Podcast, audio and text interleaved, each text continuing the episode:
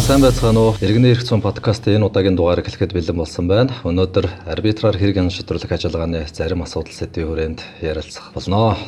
За намайг Монголын олон улсын арбитрийн нарийн бичгийн дарга Баттурж гэдэг өнөөдрийн маань подкастын зочноор өмгөөллийн Номин анд адвокатс нөхөрлөлийн захирал мөн Монголын олон улсын арбитрийн арбитрч Номин Жимэг хүрэлцэн ирсэн байна. Танд энэ өдрийн мэндийг хүргэе. За сайн байцгаана уу? Энэ өдрийн мэндийг та бүхэнд хүргэе. За өнөөдрийн бидний ярих сэдв бол арбитрийн ажиллагааны онцлог арбитраар хэрэгэн шийдвэрлэх ажиллагаанд шүүх хэрхэн оролцож байна. Мөн арбитрийн хэлэлцээртэй холбоотой асуудал, арбитрийн хууль тогтоомжинд зохицуулсан энэхүү зохицуултууд маань олон улсын арбитрийн үйл ажиллагаа явуулж байгаа бусад улс орнтой харьцуулахад ямар төвшөнд байна гэх зэрэгээр хоёлоо өнөөдөр ярилцгаана. Ингээд өнөөдрийн үед би танд арбитрийн ажиллагааны ер нь онцлог яг юу байна вэ? Хэрэгэн шийдвэрлэх ажиллагаа явуулж байгаа хөндлөнгөөс маргааныг шийдвэрлэж байгаа шүүхтэй харьцуулахад ер нь онцлогудаас нь та нэг цугаас дуртаач. За юуны өмнө энэ подкастад одоо өрн оролцуулж байгаа иргэний эрх зүй хороо болон Монголын олон улсын арбитрийн байгууллагата баярлалаа гэж хэлье. За тэгэхээр арбитр гэдэг маань өөрөө маргаан шийдвэрлэх одоо шүүхээс гадуур маргаан шийдвэрлэх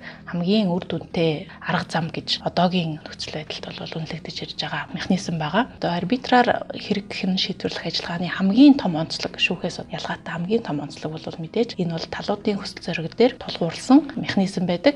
Тийм ч утгаараа талууд одоо ямар процессор, ямар механизмаар хэрэгээ хэн шийдвэрлэх хүсэлтэй байна. Тэрнийхэн дагуу уян хатан зохицуулттай байж болдог механизм байгаа. Өөрөөр хэлбэл юу гэдэг шүүхээр хэн шийдвэрлэх ажиллагаа явуулахад шүүхэд заасан хугацаа байгаа. Энэ хугацааны дотор процессууд маань бүгдээрээ хууль дээр ингээд хуульчлагдаж орсон байдаг бол арбитрийн ажиллагааны хувьд бол талуудын хүсэл зоригийг харгалзаад энэ бүхнийг бол нэлээд уян хатан байдлаар зохицуулах боломжтой байдаг. А энэ талуудын тохиролцоотой холбоотой асуудлууд нэлээд чухал байр суурийг эзэлж байгаагийн хувьд ер нь эзэлдэгч байх тийм ээ. Энэ бидний ажиллагаанд бол. Тэгэхээр энэ одоо хэрэг шийдвэрлэх ажиллагаанд талууд гэрээтэй холбоотой асуудал дээр хэлцээртэй мөн дүүнчлэн юу гэдэг яг ажиллагаа явуулах энэ асуудлыг ер нь хэрхэн тусгаж байна. Аа түрүү хэлсэн энэ бол нөгөө талуудын хөсөл зориг дээр тулгуурлаж явагддаг үйл ажиллагаа байдаг гэж хэлсэн. Тэгээ энэний маань суур эрх зүйн хэм хэмжээг тодорхойлж байгаа зүйл нь бол арбитрийн хэлцээр гэдэг зүйл байгаа. Мэдээж манай сонсогчд бол бүгдээрээ энэ тухай сайн мэдж байгаа бах. Тэгэхээр яг Батурчин хэлснээр арбитрийн хэлцээр дээрээ бид нар ямар процессор яаж одоо арбитра явуулах уу гэдгээ бол талууд бас заримдаа тохиролцсон байдаг. Яг уу одоо олон улсын түвшинд харах юм бол арбитрийн хэлэлцээр бол заавал нөхцлүүдэд тусгацсан байх юм бол дараа нь одоо хэр хэн шийдвэрлэх ажиллагаа явуудахад маш төхөмтэй болдог гэсэн одоо чухал чухал нөхцлүүд байна л да.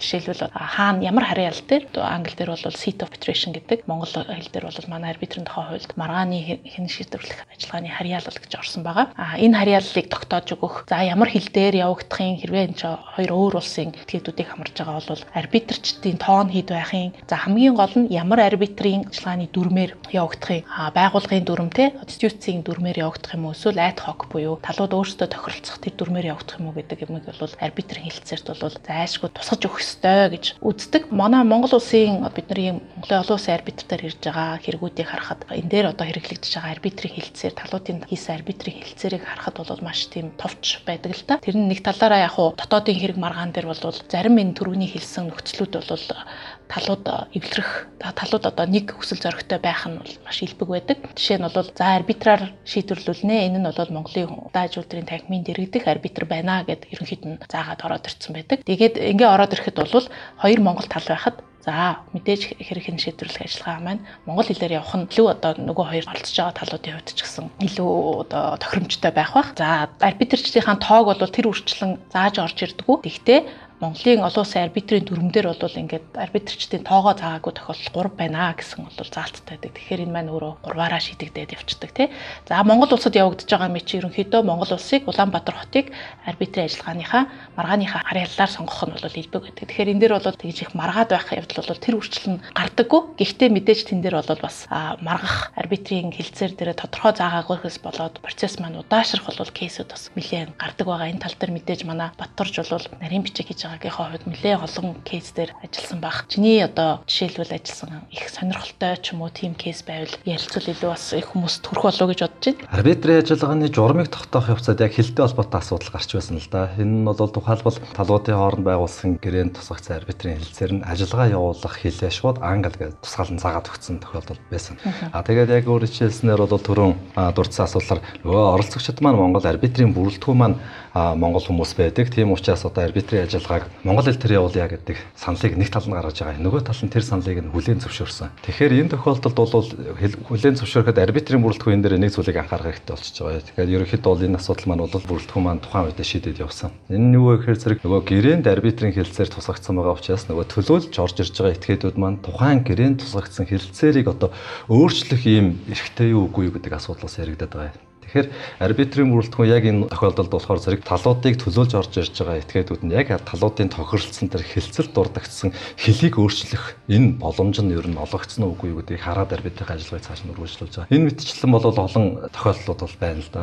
Одоо энэ сая энэ хэлтэй зөвхөн хэлтэй холбоотой асуудал дээр ийм нөхцөл байдал байгаа. Тэгэхээр ерөнхийдөө бол төлөөлж байгаа магадгүй зөвөр төлөөлүүлж байгаа хуулийн этгээд иргэдийн хувьд ч гэсэн цаашдаа бол яг арбитрийн ажиллагаанд оролцох төлөөлөгч нь иймэрхүү эрхтэй оролцоно гэдэг дээр одоо хилцэл төлөөлөл төлөөлөх асуудал яригдах нь байна. За мөн дүүнчлэг арбитрийн ажиллагааны журмыг тодорхойлохдоо бас энийг анхаарах ёстой байна. Аа тийм тий. А ялангуяа одоо арбитрийн ажиллагаан дээр бол хоёр үе шатаар хувааж болж байгаа. Энэ маань өөрөө э, хэрэгүүдээс хамаарат өөр өөр үе шат ч гэсэн мэдэх боломжтой. Нэгдүгээрт юу вэ гэхээр за Монголын олон улсын арбитр дээр бол хэрэг үүслээ.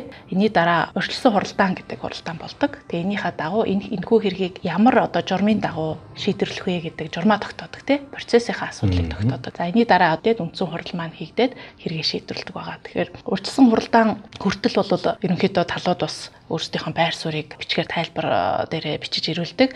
Урьдчилан хуралдаанаар бол бас шийдвэх ёстой хамгийн чухал бас нэг асуудал бол энэ ямар хэлээр явагдах вэ гэдэг асуудал байгаа тий. Тэгэхээр яг хөө энийг бол зүгээр олон улсын хэрэг маргаан шийдвэрлэж байгаа бусад одоо арбитрийн байгууллагуудын процесс ч гэдэг юм уу тий. Тэрийг харахад бол хэлийг бол хичнээн одоо арбитрийн хэлцээр дээр одоо англи хэл гэж шийдвэрлсэн байсан ч гэсэн талуудыг төлөөлж байгаа этгээдүүд процессыг бол э, монгол хэлээр явуулъя. Тэр нь бол энэ процессыг одоо түргэн шуурга явуулахад үр дүнтэй явуулахад илүү нэмэртэй гэж хоорондоо санал нь нийлж байгаа тохиолдолд бол тэрийг бол хүлээн зөвшөөрөх магадлал нь маш өндөр байдаг л да. А мэдээж энэ дэр бол тэр нөгөө хүлээн зөвшөөрөхөөс гадна анханасаа тэр талууд маань итгэмжсэн төлөөлөгчдөд тухайн эрхийг өгж үгүй юу гэдэг асуудлаас нэлээд Монголын шүүхтэр ч юм уу Монголын практик дээр бол харагддаг бах тий. Түрүүний яг чиний ярьсан кейс дээр бол нэг тал нь хэлээ Монгол болгоё нөгөө тал нь зөвшөөрчлөө хоёр тал хоёулаа санал нийлчлээ шүү дээ тий. А ийм тохиолдолд дараа нь хэрвээ ямар нэгэн асуудал үүсээд за энэ одоо юу гэдэг нь ирэхгүй байсан ч гэдэг юм уу энэ хэлийг нь өөрчлөх ирэхгүй байсан ч гэдэг юм уу ийм асуудал үүсэхэд бол ерөнхийдөө нөгөө санал нийлсэн гэдэг утгаараа гадаадад бол стопл гэдэг нэг тийм ойлголт байдаг. Монголоор одоо зөвхөн магшлаад болох юм бол ерөнхийдөө л ерөн шударгаасны зарчим байгаа юм л да. Би нэгэнт одоо би хүлээн зөвшөөрсөн надад ч гэсэн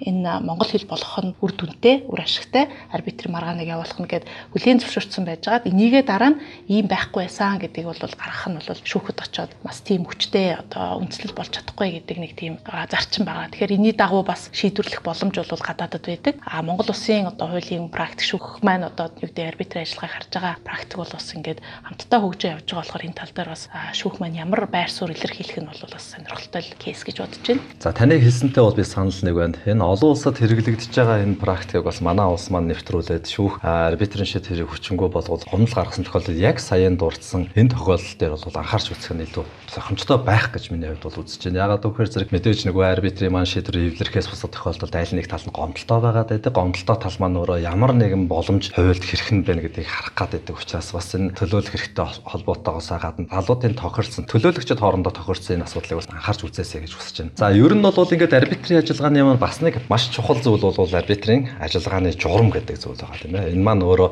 магадгүй талууд өөрөөр тохиролцоогүй болвол энэ журмаар бол арбитрийн бүрэлдэхүүн маань өөрийнхөө эрх хэмжээний хүрээнд тодорхой асуудлуудыг шийдээд явж байгаа. Энэ журам дээр тухайлбал төрөний хэлсэн хэлцээр реалтай холбоотой асуудал байна. Мөн дүнчлэн хэлтэй холбоотой асуудал байна. Гадаад улсын хууль тогтоомжийг хэрэглэхтэй холбоотой энэ зүйл дээр ер нь арбитрийн ажиллагааны журамд хэрхэн тусгагдж байна. Та ер нь энэ талаар дэлгэрэнгүй сайхан. За одоогийн манай Монголын олон улсын арбитрийн байгууллагын хэрэгжилж байгаа дагаж мөрдөж байгаа хэрэг хэн шийдвэрлэх ажиллагааны дүрм гэж байгаа. Энэхүү дүрмд бол урьдчилан хуралдаанаар шийдвэрлэж заавар зайлшгүй одоо тухайн журамд арбитрийн маргааны хэн шийдвэрлэх журам гэж байгаа. Энэ журамд тусгах ёстой зүйлс гэж байдаг. Энд бол төрөний чиний хэлснээр арбитрийн хэлцээр хүчин төгөлдөр эсэх, арбитрийн харьяаллын маргаан мөн эсэх хэлний асуудал, мөн хэрэглэгдэх хэрэгцүү гэж байгаа. За тэгээ ингээд одоо яг практик дээр харахад арбитрийн харьяаллын маргаан мөн үү? За Монголын аж үйлдвэрийн тагмын дэргэдэх Монголын олон улсын арбитрид харьяалсан энэхүү дүрм те тухайн байгууллагын дүрмээр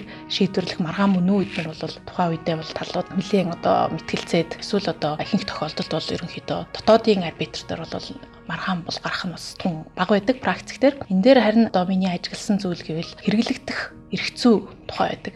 Тэгээ хэрэглэгдэх хэрэгцүү буюу одоо материалын хэрэгцүү хувьд бид нар юу хэрэглэх юм бэ гэдэг маань өөрөө арбитрийн бүрэлдэхүүний тогтоох ёстой асуудал талуудын мэтгэлцэх бас нэг зүйл байдаг л та. Тэгэхээр нөгөө гэрээ одоо жишээ нь худалд худалд авах гэрээчүүд юм уу альва нэг гэрээнээс үүдсэн маргаан орж ирэхэд тэр гэрээ маань ямар улсын хуулиар зохицуулагдж байна гэдгийг яалтчгүй арбитрийн бүрэлдэхүүн хамгийн түрүүнд хардаг. Энэ маань өөрөө Монгол улсын хууль байх юм бол талууд мэдээж өөрсдийнх нь саналыг хэлнэ. Монгол улсын хуулиар шийдвэрлэх хүсэлтэй байх юм бол Монгол улсын хуулиар нь одоо шийдвэрлэж байгаа. За энэхүү гэрээний зохицуулах хуулийг тодорхойлоогүй тохиолдолд бол ямар улсын хуулийг хэрэглэх вэ гэдгээ арбитрийн бүрэлдэхүүн тодорхойлно. Талуудын мэдээ саналыг авсны үндсэн дээр одоо юу гэдэг олон улсын хоёр хэцүү хэм хэмжээний зөрчилдөөний одоо зарчим дээрээ тулгуурлаад худалдаа авахч худалдаа авах гэрээсэн бол худалдаа авахч нь аль улсын этгээд байсан, худалдагч нь аль улсын этгээд байсан, одоо үүргийн гүйцэтгэл нь хаана байхаар байсан гэдгээр гадаад улсын хуулийг тодорхойлдог байгаа. За гадаад улсын хууль хэрвээ тухайн маргаан шийдвэрлэх одоо ажиллагаанд хэрэглэгдэх хууль болох юм бол арбитрийн бүрэлдэхүүн маань өөрсдөө энэ тухайн одоо улсын материалын хуулийн талаар хэрэг мэдлэгтэй вэ?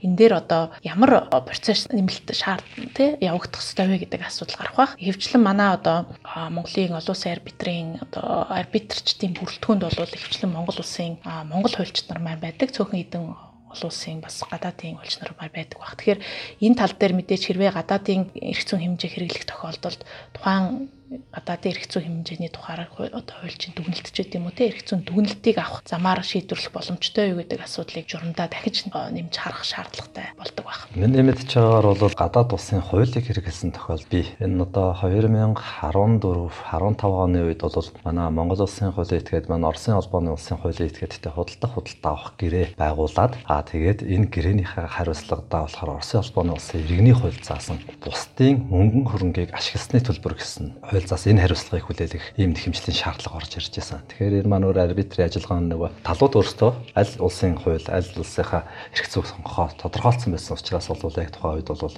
ийм сонир тохиолдол бас сонирхолтой тохиолдол гарсан. За энэ арбитрийн ажиллагааны журмыг тогтоох нь журмаа одоо талуудтайгаа харилцсан тогтоох эсвэл арбитрийн бүрэлдэхүүн талууд тохиролцоогоо энэ тогтоож байгаа. Энэ ажиллагаа маань одоо манай Монгол улсын хувьд эсвэл одоо бусад улс орны хувьд а магадгүй зүгээр дотоодын маргаанд олон улсын маргаанд гэдэг энэ онцлог өөр зохицуултууд байна уу? За яг тэр ажиллагааны журам тогтоож байгаа асуудал дээр үү? Тэ, журам тогтоож байгаа журам тогтоож байгаа асуудал дээр ерөнхийдөө манай Монголын олон улсын арбитрийн дүрмд заасан асуудлууд бол нэг онцлог шинжтэй байдаг. Олон улсын арбитрийн байгууллагуудаас тий одоо Хонконг гэдэг юм уу, Сингапур гэдэг юм уу, Лондон Лондон байд юм уу эдгээр одоо байгууллагууд явуулж байгаа ажиллагаанаас нэг ялгагдах юм байдаг л да. Ерөнхийдөө тэр байгууллагуудын хувьд ч гэсэн эхлээд мэдээж хэрэг үүссний дараа case management conference буюу одоо энэ асуудлыг энэ хэргийг ямар журмаар явуулах вэ гэдэг одоо урьдчилсан хурлыг хийдэг. Энэ маань өөрөө одоо телеконференсоор ч гэсэн хийгдэх боломжтой. Тэгээ энэ дээр бол яг манай одоо дүрм дээр заасан шиг харьяаллын асуудал дээр одоо талууд нэгдсэн байр суурьтай байна уу?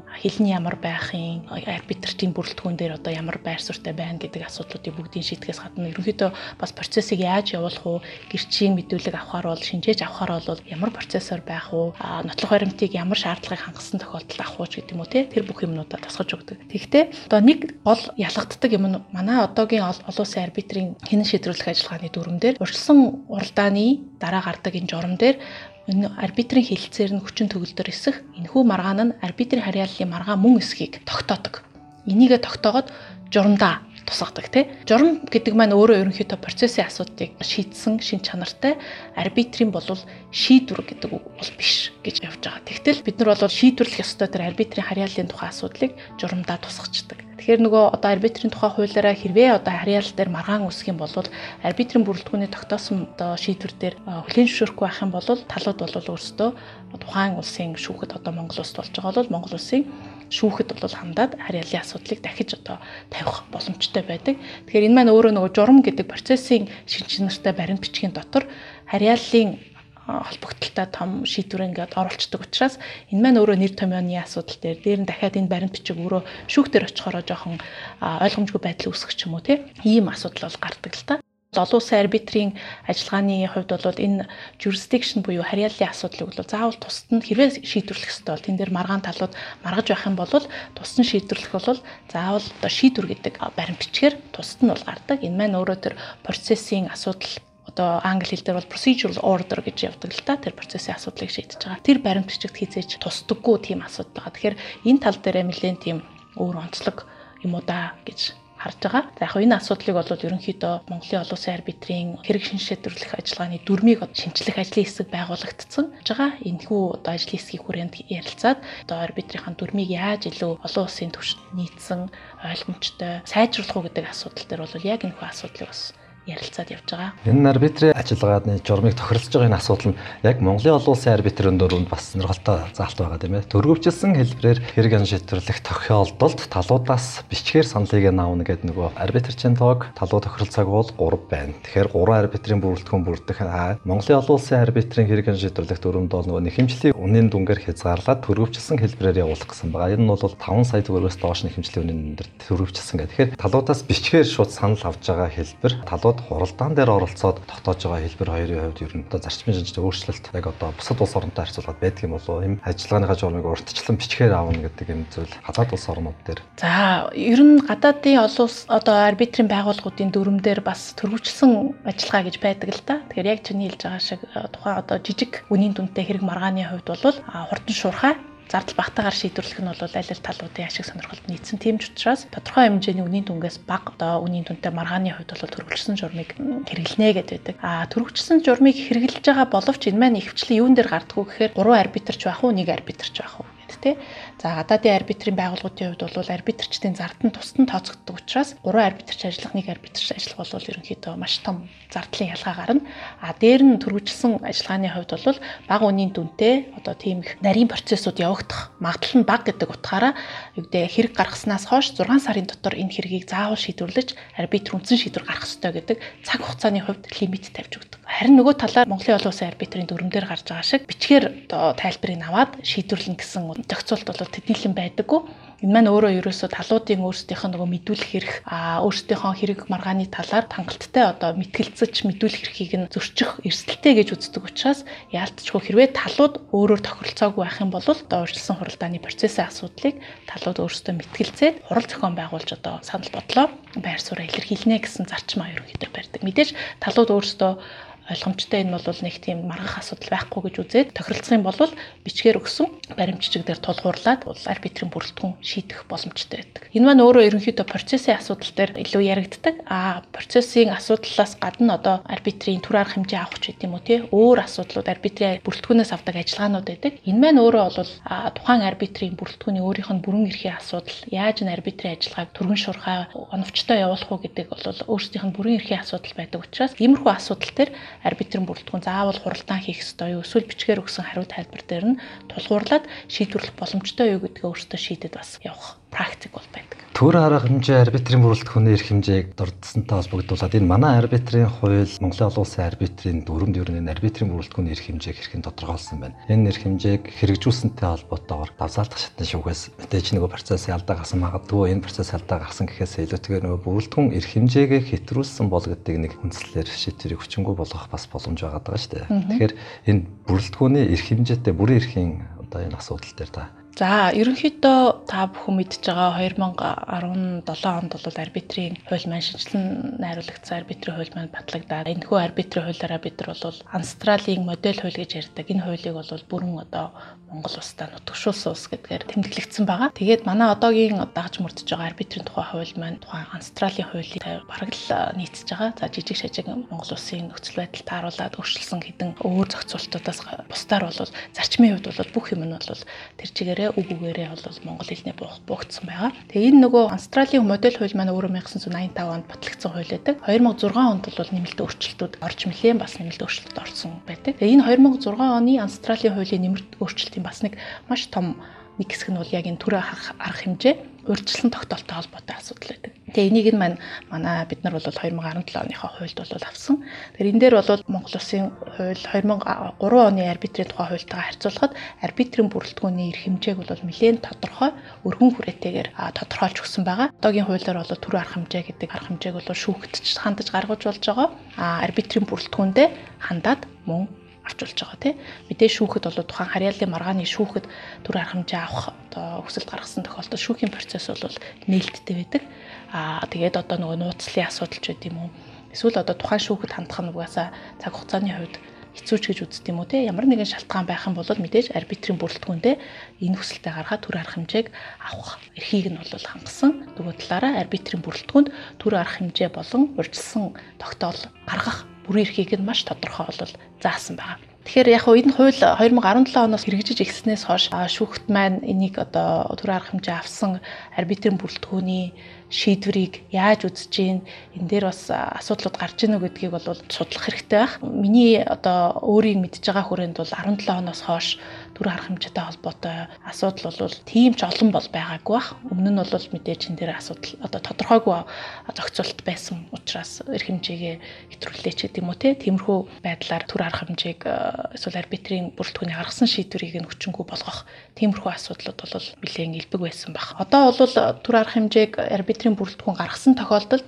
яг л нөгөө арбитрийн үндсэн шийдвэртэй адилхан тухайн шийдвэрийг одоо хүчингү болгох нөхцлүүд маань арбитрийн тухай хууль дээр байгаа. Яг адилхан нөхцлөөр тухайн гаргасан түр арга хэмжээг бас хүчингү болгуулах эсвэл одоо шүүхээр гүйцэтгүүлэхгүй байх тийм бас зохицуулт маань орсон байдаг учраас шүүх маань хэрвээ одоо түр харах хэмжээ гаргасан арбитрийн бүрэлдэхүүний шийдвэр гарч ирсэн тохиолдолд тэр л одоо нөгөө 5 6 үндсэл байгаа энийхээ хүрээнд л шийдэх болов гэж харж байна. Арбитрийн хилцээртэй холбогдуулаад дахиад нэг зүйлийг тодруулъя. Энэ арбитрийн хилцээрт ер нь яг одоо танд одоо анхааруулах тийм ийм зүйл дээр ингээд алдаа гардаг шүү. Талууд одоо арбитрийн хэлцээр байгуулахдаа иймэрхүү байдлаар байх ёстой шүү гэдэг та тийм зөвлөмж мэдээллийг нэгдүгээрт одоо хэлж өгч байгаа. Хоёрдугаар болохоор зэрэг нь арбитрийн хэлцээрийг одоо шинэ хуулиар бол нөгөө имэйлээр цахим харилцаа холбоогоор хэлцээрийг байгуулсан тооцох энэ зохицуулт орж ирснээр өөрөө энэ ансатралын одоо нөгөө загвар хууль маань өөрөө нээсэж гарсан гэдэг утгаараа нэлээд дэвшилттэй байгаа. Тэгээ таны байр суурийн арбитрийн хэлцээртэй холбоотой асуудал төр.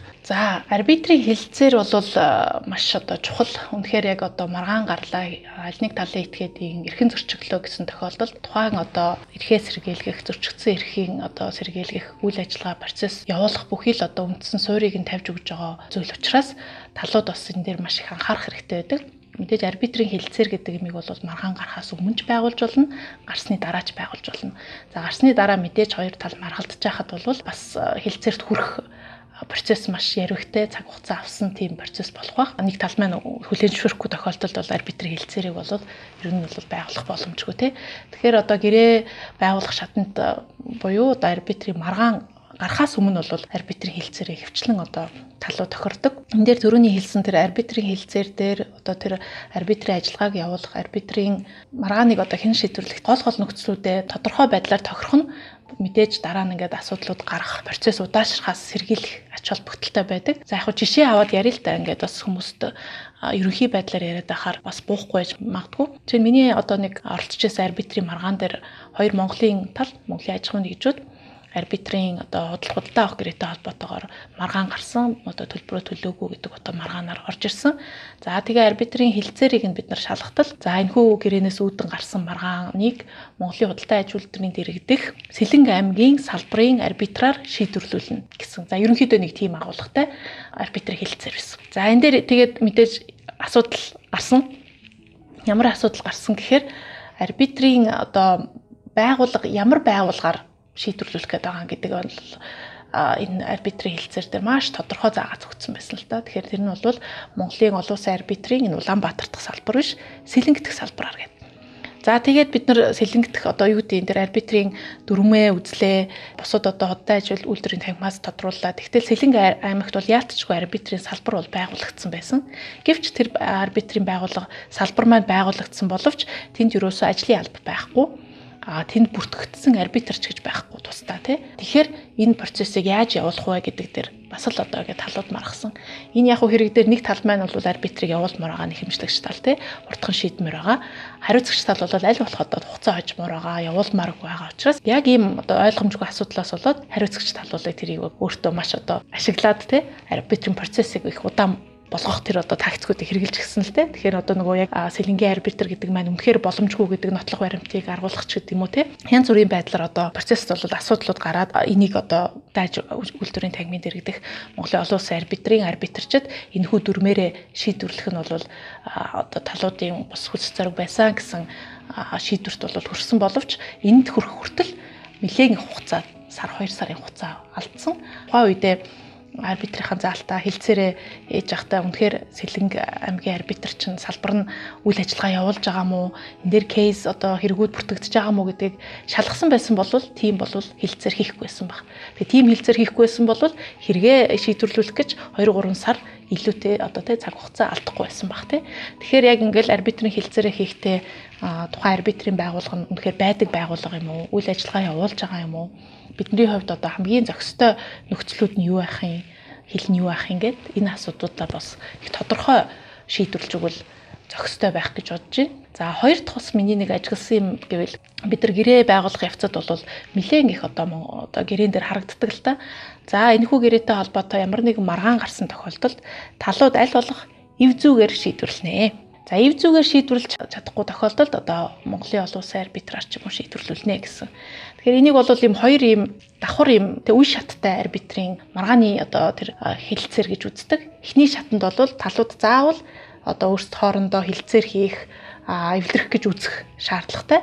Эвлэрч чадаагүй тохиолдолд арбитр явах нь гэх тээ. Тэгэхээр яг ийм нөхцөлтэй ийм одоо арбитрийн хилцээртэй маргаан орж ирсэн тохиолдолд бид нар бол талуудаас яалтчгүй. За маргаан эхлэхээс өмнө та бүхэн заавал хилцээр хийх, эвлэрэх одоо оролдох хийх хэрэгтэй байсан байна. Энэ үйл баримт чинь юу юм бэ гэд асуухаар зарим одоо талууд бол ямар нэгэн орлого хийгээгүй одоо эвлэрэгч байд юм уу хилцээр хийх орлого хийгээгүй ороод ирдэг. Тэгэхээр энэ энэ маань өөрөө за энэ admissible англ дээр бол тэгж хэлдэг. Арбитрийн ажиллагааг эхлүүлэх төр нөхцөл үүсээгүй байх гэдэг утгаараа дахиад хойшлох асуудлаас гарах тийм нөхцөл эрсдэл үүсдэг. Тэгэхээр бид нар арбитрийн хилцээрээ бичиж байх та тий. За бай юу гэдэг эвлэрэх гэж оролдоно. Эвлэрэхтэй тэгвэл хугацаа тавих хэрэгтэй тийм үү? 30 хоног ч гэдэг юм 90 хоног. За энэ 90 хоногтой үнэхээр эвлэрч чадахгүй байх юм бол арбитр. Тэгэхээр нэг тодорхой тийм цензуур шалгуур тавиад өгөхөөр үнэхээр тэр оролцоо хийсэн юм уу гэдгийг нь одоо тийм хугацаанаас нь хамаарат бид нар орлого хийлээ бүтлгүй байсан учраас 90 хоногийн дотаараа ийм эрхэн өсчээ гэдгийг тодорхойлоход их дүгнэлттэй болдог. Энэ хариуцагч одоо арбитрийн хэрэгэн шийдвэрлэх ажиллагааг ерөн сумжруулах гэдэг зүйл бол ер нь шүүхтэр ч гэсэн гарч байгаа. А арбитрийн ажиллагаанд бас нэг сонирхолтой зүйл нөөрөө яг хуульд байгаа заалтыг харахаар Хариуцагч өөрөө хариуцагчаар татгснаа мэдхгүйгээр арбитрийн шийдвэр гарах боломжтой байдаг тийм ээ. Сүүлд мэдэгдэж байсан аягаар нь шуудангаар хөргүүлээд хөргүүлснэг нь хүлээн авсан тооцсон холбогдох арга хэмжээг аавна гэх. Тэгэхээр энэ хариуцагч ажиллагаанд орохгүйгээр хэргийг шийдвэрлэх энэ нь өөрөө цаашид үүсэх бор сөрөг үр дагавар. Шүүхтэр бол хариуцагчийн аяг тодорхойгүй бол нэг хэмжлийг буцаад байгаа. Арбитр болохоор зэрэг шийдээд байдаг. Тэгэхээр энэ таны арбитрч зүгээс бол яг энэ байр суурь дээр юу яаж хандах хэвээр вэ? За энэ дээр бол яг хуу тийм ийм ялгаа байна те. Шүүхтэр бол нэг хэмжил буцаагдаад хариуцлагчийг тогтоох боломжгүйгээд арбитр дээр бол цаашаа ингээд процесс үргэлжлээд явах боломжтой байдаг. Энэ мэн өөрөө яг л нөгөө нэг арбитрийн хэрэг маргааныг шийдвэрлэх тэр ямар одоо онцлог байна гэдэг тэр фундаментал одоо тэр асуудал руу орно л доо. Энэ маань өөрөө талууд өөрсдийн хүсэл зориг дээр үндэслээд харилцан тохиролцсон учраас энэ одоо маргааныг арбитраар шийдвэрлүүлэх гэж байгаа.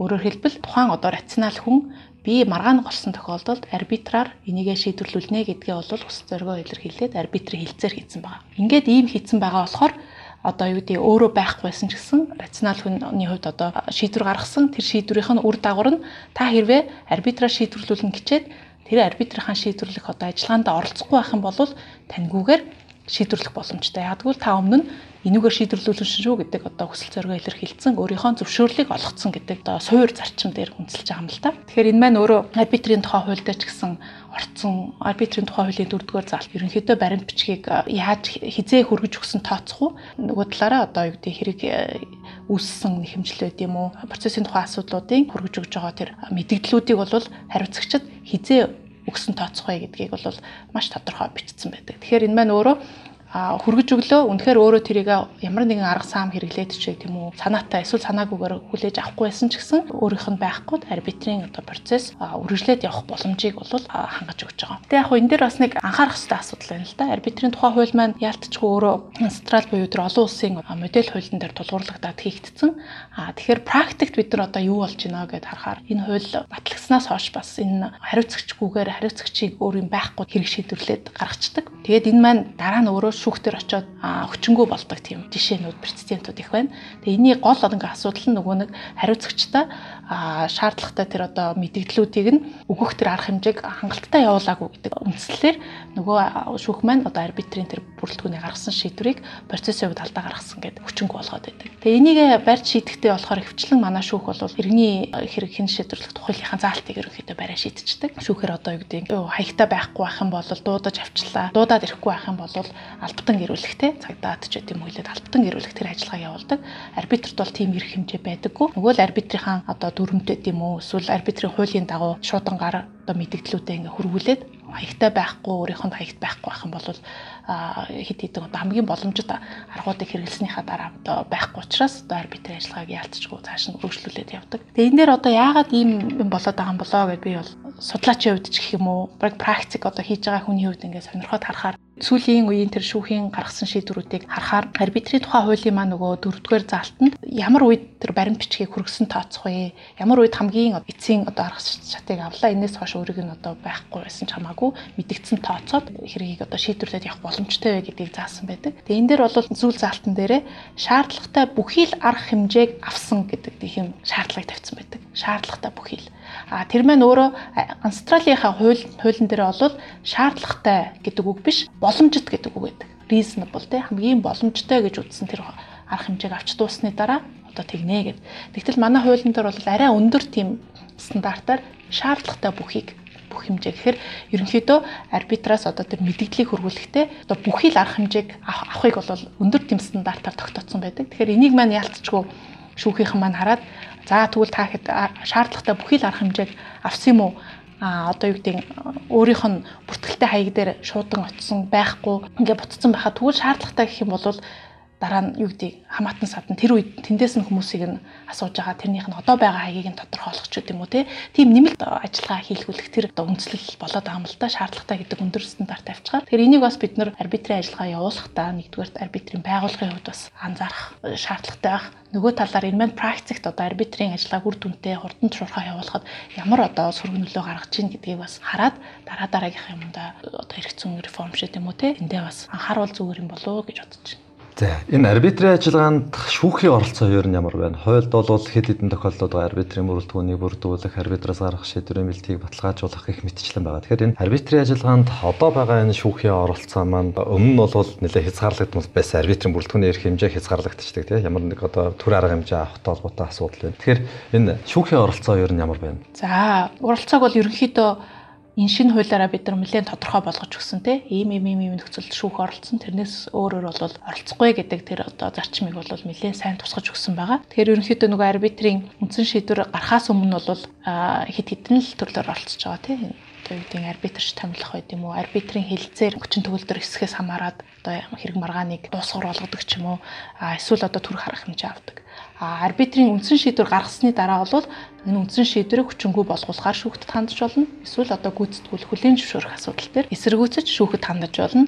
За ийм л хэдэн одоо үндсэл арга замаар бол арбитрийн ажиллагаанд шүүхээс оролцож байгаа. Энэ дээр ерөнхийдөө өмнөх хуультай харьцуулахад чиний хэлдгээр яг ийм одоо цар хүрээг нь маш тодорхой болсон болохоор бид надад бол бас нэг тийм яг бүх одоо шүүхийн мэдээлэл, шүүхийн шийдвэрийн мэдээлэл өдр бол бүрэн гүйцэтгээрээ байхгүй юм л та. Шүүх цэгийн мэн дээр бол энэ шүүхийн арбитртай холбоотой захирамжууд өөрөө нээлттэй биш байдаг учраас төдийлөн бас цаг тухайд нь шалгаад явах боломжгүй байдаг. А зүгээр өөрийнхөө практикаас харж байхад бол одоо шүүхийн оролцоо бол нэлээд хязгаарлаж өгсөн шүүх бол одоо тодорхой юм хэмжээнд л одоо шүүхийн шийдвэрийг одоо хүчингү болгох ч гэдэм үү те гүйцэтгэс татгалзах энэ шийдвэрүүдийг гаргаж байгаа. А ер нь сүүлийн үед харж байхад бол шүүх маань өөрөө арбитрт бас хайцсангуй ээлтэй болж эхэлж байгаа гэж харж байгаа. Энэ юун дээр харагдаж байна вэ гэхээр ялангуяа тэр арбитрийн хилцээртэй талууд шүүхэд хандж байгаа тохиолдолд а шүүхээс бол энийг бол маш түргэн шурхаагаар одоо арбитрийн хилцээр гэсэн үг орох юм бол за арбитрийн хилцээртэй байна арбитраараа явуул гэдэг тухайн хэргийг одоо шууд дуусгар болгож байгаа л доо. Тэг яг хөө энэ дээр бас нэг анхаарах зүйл нь арбитрийн тухай хууль дээр энэ арбитрийн хилцээртэй боловч нэг тал нь шүүхэд хандаад нөгөө тал нь үгүй энэ арбитрийн хилцээртэй бид нар арбитраар шийдвэрлэх ёстой гэсэн хариу тайлбар гарсан тохиолдолд шүүх өөрөө за энэ хоёр этгээдийн арбитрийн хилцээр нь өөрөө хүчин төгөлдөр юм уу хүчин төгөлдөр биш эсвэл тэр арбитрийн хилцээрийг гүйцэтгэх боломжгүй байх юм бол тэр хэргийг бол заавал арбитр руу шууд өгөхгүйгээр өөрөө шийдвэрлэх одоо боломжтой. А ийм энэс бусад тохиолдолд бол заавал одоо арбитр руу явуулнаа гэсэн тийм одоо заалт байдаг. Яг одоо бол зүгээр практик дээр харж хахад хичнээн ийм одоо нөгөө хэрэг байлаа ч гэсэн арбитрийн хилцээр нөгөө хүчин төгөлдөр бишээ гэдэг ийм аргумент гарах тохиолдол байх үед ч гэсэн тухайн шүүх маань ерөнхийдөө арбитр гэдэг үг орсон байх юм бол арбитраараа эхлээд энэ энийгээ шийдвэрлүүлээ. Ерөнхийдөө арбитрийн хэлцээр чи хүчин төгөлдөр хэсгийг бол арбитрт нэм бүрэлдэхүүн маань өөрөө эхэлж шийдвэрлэх хэрэгтэй гэсэн тийм байр суурь илүү барьж гинүү да гэж хараад байгаа. Тэгэхээр энэ маань өөрөө бусад зарим улсуудтай харьцуулахад нэлээд арбитр дээлтэй арбитрийн бүрэлдэхүүн арбитрийн ажиллагааг бол даасан байдлаар явуулах тэр арга зам гэдэг юм уу? Аюуг хангаж гинаа л гэж харж байгаа. За арбитрийн эрх зүйн орчин хэр юм бэ? Энэ маань өөрөө айгүй чухал үзүүлэлтүүд байдаг тийм ээ. За ер нь уйл тогтоомж улс төрийн доктортой байдал тэгээд дээрэс нь арбитр энэ чухал байгаа. Тэгэхээр энэ манай улсын арбитр маань одоо энэ бусад улстай харьцуулах юм бол ер нь яг хөгжлийн төвшин одоо хуваар ч юм уу тий гарах юм бол ер нь ингээд тодорхойлвол аль хавцаа явна. Таныг судлаачийн хувьд би нэг сонирхолтой асууж байна л да. Хөгжлийн төвшөнд. За тэгэхээр одоо хуваар үүсэх юм үүсхийн тулд бусад улсуудынхыг бас айгүй сайн мэддэг байх хэрэгтэй болоод байна тий. Тэгэхээр яг хуу энэ дээр яг би бусад бүх улсуудынхыг тэгж их судалсан бол биш. Гэтэ яг миний нэг оролцдог Delos гэдэг нэг арбитрийн байгууллага байдаг. Францын Парис хотод төвтэй. Энэ төвөөс бол жил болгон тийм судалгаа явуулдаг бүх улсдоо нийтдээ одоо бараг 100-аад улс болж байгаа. 100-аад улсын арбитрийн хууль тогтоомжинд хэр байна? Шүүхэн арбитрт яаж оролцож чинь доктортой байна уу тий? За энэ судалгаагаараа дамжуулаад арбитр явуулахад хамгийн ээлтэй улс хариалал гэдэг те энэ улсууд нь юу вэ гэдэг юм листийг гаргадаг. Тэгээ энд нь бол бас Монгол улсын одоо арбитрийн хууль тогтоомж юуныхын талаар бол манай нөхөрлөлийн нөхөрлөөс бол тэр репорт үе судалгааг нь хийж өгдөг л дөө. Тэгээ ингээ харж байхад бол хит хит үзүүлэлтээр яг ингээ жагсааж байгаа юм. Тэр нь бол шүүхээс одоо арбитрийн ажиллагаанд хэр их оролцож байна те. За арбитрч нар маань өөрсдөө эрүүгийн хариуцлага ч юм уу иргэний хариуцлага буруу шийдвэр гаргаснасаа болоод хариуцлага үүрч гинүү эсвэл хариуцлагаас чөлөөсөн тийм хуулийн заалт байна уу ч гэдэг юм уу тий. За хууль тогтоомжийн хувьд бол хэр боловсронгуй байна гэдэг 3 4 нь бол үзүүлэлт өгдөг. Тэгээ энэ дээр харахаар Монгол улсынхыг одоо бид нар 2 дахь жилдээ хийж байгаа. Тэгээд ингээд бусад улсын арбитрийн практис гэдэг одоо хуульчнаар бас хөндлөнгийн анализ гэдэг. Тэгээ бид нар Монгол улсынхыг ингээд бичээд өгөхөөр тэд хэд маань ингээд үзээд ямар дүгнэлттэй хийдэг гэхээр за Монгол улсын арбитрийн тухай хууль бол Австралийн модель хуультай яг одоо ойролцоо тий маш одоо боловсронгуй тийм хууль тогтоомжтой юм байна. Шүүхийн оролцооны хувьд бол арбитрийн чөлөөт одоо тий бие даасан байдлыг бол нэлээд хүндэтгэж үздэг юм байна гэдэг дээр санал нэгдэж байгаа юм. Хамгийн одоо нөгөө ойлгомжгүй болохоор прецедент тий За ийм одоо асуудлууд дээр Монгол Улсын шүүх яаж одоо хандах юм? Эсвэл Монгол Улсын шүүх арбитрийн хууль тогтоомжоо яаж тайлбарлах уу гэдэг дээр яалтчгүй бид нар одоо том мохон тийм хэрэг маргаан одоо тайлбарсан прецедент маань нэгд одоо олон нийтэд ил биш байна. А гарсан байж болно. Гэтэ тэр маань олон нийтэд ил биш байгаа учраас ийм асуудал гарах юм бол Монгол Улсын шүүхээс яаж тэрийг одоо тэнд хандах вэ гэдэг маань ойлгомжгүй тодорхойгүй байна гэдэг үндслээр бол яалтчгүй нэг оноо маань хасагдаад байгаа. Тэгэхээр яг миний зүгээс харж байгаа нь бид нар бол хангалттай хууль зүйн одоо дэд бүтцээ бол гаргаад тавьсан. Австралийн боловсронгуй хуультай маш арбитр дээлтэй тийм хууль тогтоомж гаргаад тавьсан. Энийг хэрэгжүүлэх үе шатн дээрээ яг л одоо нэг байр суурьтай хэрэгжүүлээд эхлэх юм бол энэ маань илүү ихтгэл өнөмшил төрүүлнэ. Монгол улс бол арбитр үйл ажиллагаа явуулахад маш ээлтэй улс юм а гэсэн ойлголт өгөхөд бол илүү төхөн болох болов гэж бодож байна. Сая ингээд бусад улс оронтой гэснээс хугацааны талаар гаргасан дүнтэй танилцсан. Тэгэхээр нөгөө Стокгольмын арбитр маань 13.5 сар гэж байгаа. Энэ нөгөө сараар гаргасан юу байсан. Лондоны арбитр 16 гээд хамгийн өндөр байна. За тэгээ Хонконгийн арбитр 11.6, Сингапурын 11.7, манай Монголын олон улсын арбитрийн нэг хэргийг шийдвэрлэж байгаа дундаж хугацаа 6.3 сар гэж байгаа байхгүй. Тэгэхээр таны саяхан хэлсэнтэй ингээд э, харьцуулаад гараар хугацааны хувьд ингээд харахаар манай арбитр бол нэлээ юутай. Тэгэхээр энэ хугацааны шалгуур гэдэг юм э, таны өөрөө сая хэлж байгаа энэ зүйл төр ер нь тусгагдж байна уу? Аха. Хугацаа яалтчгүй манай Монголын явал улсын арбитр бол маш харьцангуй тий хурдан шийдвэрлэдэг. процесс маань ч гэсэн илүү тийм одоо хялбаршуулсан талуудад одоо маргаана хурдан шийдвэрлүүлэх асуудал дээр дөхөмтэй тийм дүрмтэй байдаг. Дээр нь бас зардлын асуудал байна тий. Зардлын асуудал бол маш боломжийн хураамжтай. Бусад одоо чиний хэлсэн Стокгольм, Англи, Лондонгийн одоо арбитр те Сингапурын нь бол зардал нь бол маш өндөр гардаг арбитрийн хураамж нь те. Тэгэхээр энэ маань өөрөө илүү арбитрийн байгууллагуудын өөрийнх нь нөгөө нэг чадах ранкинг нь хэр байна гэдэг рүү илүү орох байх л та. Тэр утгаараа яг манай Монголын арбитрийн яалтчгүй маш давуу тал нь ялангуяа одоо дотоодын маргаанууд те дотоодын хуулийн этгээдүүд хоорондын маргааныг бол маш түрүүн шуурхай зардал багтаагаар шийдвэрлэх их тохиромжтой арбитрийн байгууллага гэдгийг үзүүлж өгч байгаа. А яг хуу түрүүний хэлсэн миний судалгаанд бол яг нөгөө улс орнуудын хувьд арбитрийн хууль тогтоомж шүүхийн оролцоо гэдэг илүү судалгаа байсан болохоор арбитрийн тухайн байгууллагууд нь ямар хөө байна вэ гэдэг бол фактор яг ороогүй. За иргэний эрх зүйн подкастын маань энэ удаагийн дугаар энхүү өндөрлж байна. Өнөөдрийн дугаараар бид нар арбитрийн ажиллагааны онцлог, арбитрийн ажиллагаанд шүүх хэрхэн оролцож байна, арбитрийн хилцээр байгууллагатаа юуг анхаарах хэрэгтэй юм. Манай Монгол улсын арбитр маань тэр дундаа манай Монголын олон улсын арбитрийн үйл ажиллагаа гаргасан шийдвэртэй холбоотой асуудалд гомдол хэрвэн гэдэг зэрэгээр ярилцлаа. Ингээд таны ажилд амжилт хүсье мөн хэрэгний эрх зүйн хороноос энэхүү подкастыг зохион байгуулахад дэмжлэг үзүүлсэнд баярлалаа. За баярлалаа.